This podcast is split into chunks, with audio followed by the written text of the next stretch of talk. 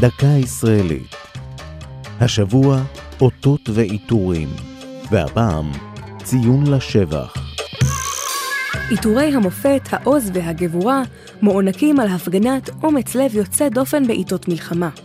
אבל גם בין המלחמות מפגינים חיילים וחיילות בשדה הקרב ומחוצה לו גבורה הראויה לציון ולכבוד.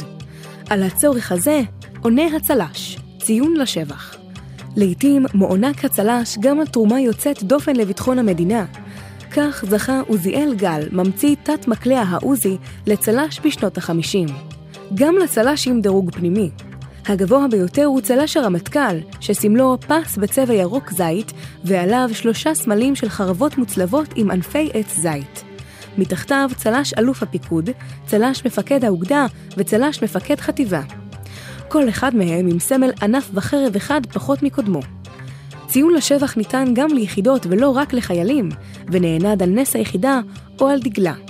שיאני הצל"שים הם צמד החיילים המעוטרים בצה"ל, הרמטכ"ל לשעבר אהוד ברק וסרן נחמיה כהן, זיכרונו לברכה, שנפל במלחמת ששת הימים.